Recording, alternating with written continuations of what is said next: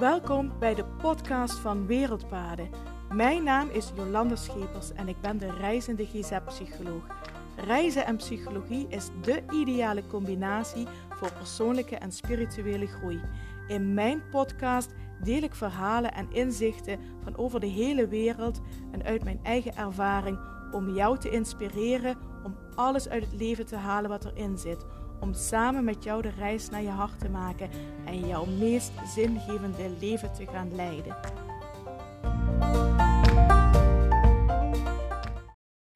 Hallo, hallo, hallo. En superleuk dat je weer luistert naar de podcast van Wereldpaden. Het is vandaag dinsdag 24 mei 2022. En het is nu rond half twee smiddags. En we zijn lekker aan het luieren in het zwembad. En vanochtend zijn we nog in een uh, Himba-dorp uh, geweest om een oude dame te ontmoeten. En dat was me wel een hele bijzondere ontmoeting. Wat een, uh, wat een bijzondere, maar ook hele grappige vrouw. En ja, we hebben uh, een hele tijd gepraat. We hebben ook samen gelachen. En het was zo leuk. En um, de vraag die ons heel vaak gesteld wordt is of we getrouwd zijn. Dan zeggen we altijd, nee, we zijn niet getrouwd. Maar we zijn wel al heel lang samen. Dan komt meestal een reactie, oh ja, maar dan, dat is hetzelfde als getrouwd zijn. En de tweede vraag is of we kinderen hebben. En uh, dus deze oude dame die vroeg dat ook, van hebben jullie ook kinderen? Nee, we hebben geen kinderen. En dat vond ze eigenlijk wel zo vreemd en zo gek dat wij uh, geen kinderen hebben. kon ze zich niks bij voorstellen. Ze vroeg zelfs aan Olaf of hij uh, het dan niet kon. Dus uh, we hebben ook heel erg gelachen. Maar vervolgens ook uitgelegd dat um, in Nederland mensen er ook vaak voor kiezen om geen kinderen te krijgen. Toen zegt ze: Ja, maar als je geen kinderen hebt, wie gaat dan alles voor jou pakken? Zegt ze, want ik hoef maar tegen die kinderen te zeggen, ja pak dit even, pak dat even. En die doet dat voor je. Maar als je geen kinderen hebt, moet je dat allemaal zelf gaan doen. dat we ook een grappige redenering uh, over uh, kinderen hebben. Maar ja, zegt ze, misschien kan jouw man dat dan wel doen. ja, dat uh, kinderen hebben betekent hier ook wel iets anders dan dat het voor ons betekent. Hier krijg je gewoon kinderen. Het is hier ondenkbaar dat je als vrouw geen kinderen hebt. Dus ze vonden het ook wel heel vreemd dat uh, wij geen kinderen hebben. En uh, ja, dat is hier uh, eigenlijk onmogelijk. De meeste vrouwen hebben we hebben eens rondgevraagd bij de vrouwen van hoeveel kinderen heb je. Vaak vier, vijf, zes kinderen. Dus dat is best, uh, best wel veel. En uh, ja, die kinderen, die kleintjes, die uh, dartelen een beetje door het dorp. Wat mij ook wel opvalt is dat ik heb kinderen niet echt zien spelen. Ze lopen een beetje rond. Of ze zitten tegen hun moeder aan. Dat zijn dan wel nog hele kleintjes. Of ze zitten bij het vuur. Of... Maar echt eh, spelen zoals wij eh, dat zien bij de kinderen bij ons fantasiespel of uh, een spelletje met, uh, een balspelletje of zo. Dat heb ik ze niet zien doen. Dus uh, ja, ik denk ook wel dat ze dat eigenlijk uh, niet kennen. En toen we in het dorp waren, toen vroeg John of wij misschien iets hadden tegen brandwonden. Want er was een klein meisje die had een paar dagen geleden een pot hete soep over haar voetje heen gekregen. En uh, het meisje liet ons ook haar wond zien. Ze had er nu alleen maar een lapje overheen. De wond zag er echt heel vies uit. Ik denk ook wel dat hij al aan het ontsteken was. En ja, dat gaat gewoon niet helen, want mensen lopen hier op hun blote voeten. En het is allemaal zand en stof. En met een lapje eroverheen krijg je dat nooit steriel afgedekt. Dus ja, dat zou eigenlijk nooit gaan helen. Dus Olaf zegt van ja, nee, maar daar kun je, uh, wij hebben niks voor een brandwonde bij ons, maar dit meisje moet naar een dokter. En tegenover onze campsite is een kliniek. Kliniek is een groot woord, moet je niet een high-tech kliniek voorstellen. Het zijn uh, twee zeecontainers waar een dokter zit, maar goed, dat is echt al heel wat.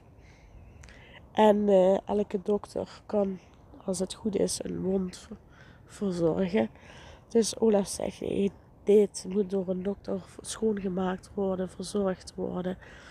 En dat het goed kan helen, want anders gaat dit ontsteken. Dus Olaf heeft het meisje met haar moeder naar de kliniek gebracht hier bij de campsite.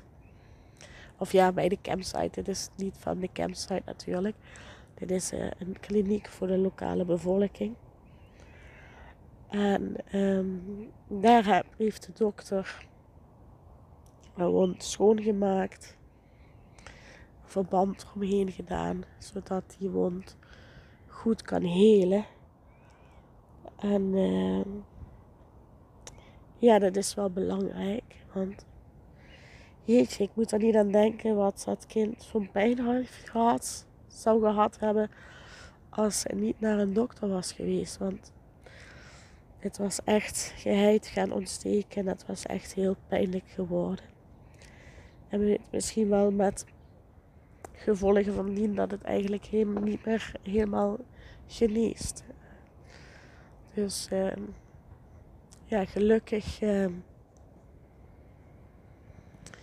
gelukkig is ze nu uh, goed verzorgd.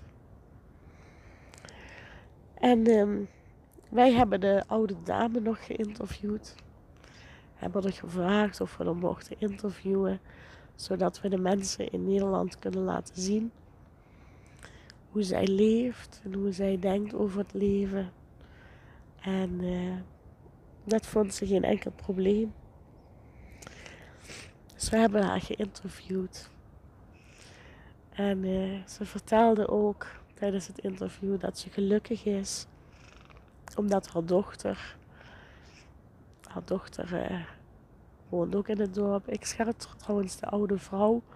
Volgens John, onze gids, was deze vrouw rond 80. Dat is echt heel oud.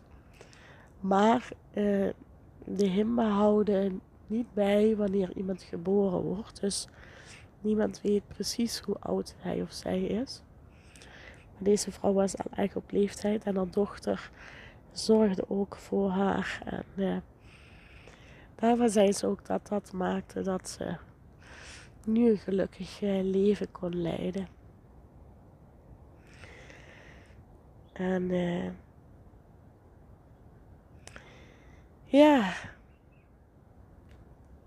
En daarna, weet je, dan komt het moment ook weer van afscheid nemen. En het was eigenlijk zo bijzonder ook met die oude mevrouw, oude dame, die zei: Ja, jullie zijn zo in vrede gekomen en jullie uh, zijn goede mensen. En ik vind het zo fijn dat jullie er zijn. En weet je, ze hield mijn hand vast. En het was ook echt heel ontroerend. En dat neem ik ook wel mee van deze drie dagen bij de Himma. Dat het zo hartverwarmend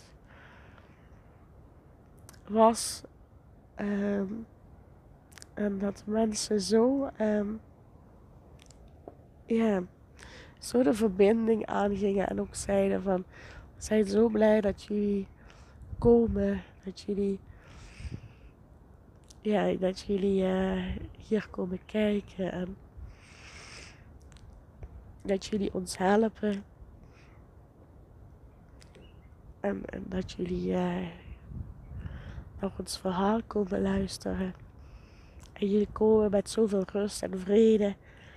En ja, dat is, dat is zo fijn en zo hartverwarmend. En ik neem dat ook eigenlijk voor altijd mee in mijn hart. Dat die diepe verbinding die we dan met elkaar gevoeld hebben. Hoe verschillend dat we ook zijn. Hoe verschillend dat onze levens zijn. Maar eigenlijk zijn we hetzelfde. En dat is wat die oude dame ook zei toen we weggingen. Van ehm, wij zijn hetzelfde. Wij komen allemaal van dezelfde creator, van dezelfde God.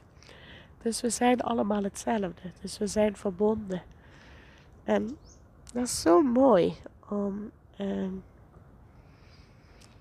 dat ook daadwerkelijk te voelen. Uit zo'n twee verschillende werelden komen. Twee zo verschillende soorten levens. En dat aan voelen. Die connectie voelen. Van ja, we zijn eigenlijk precies hetzelfde. Het maakt niet uit waar we worden geboren. Maakt niet uit in welke cultuur dat we worden geboren of hoe we ons leven leiden. We zijn allemaal verbonden. Allemaal verbonden in het grote geheel. En zo mooi ook om dit bij de Himba terug te krijgen.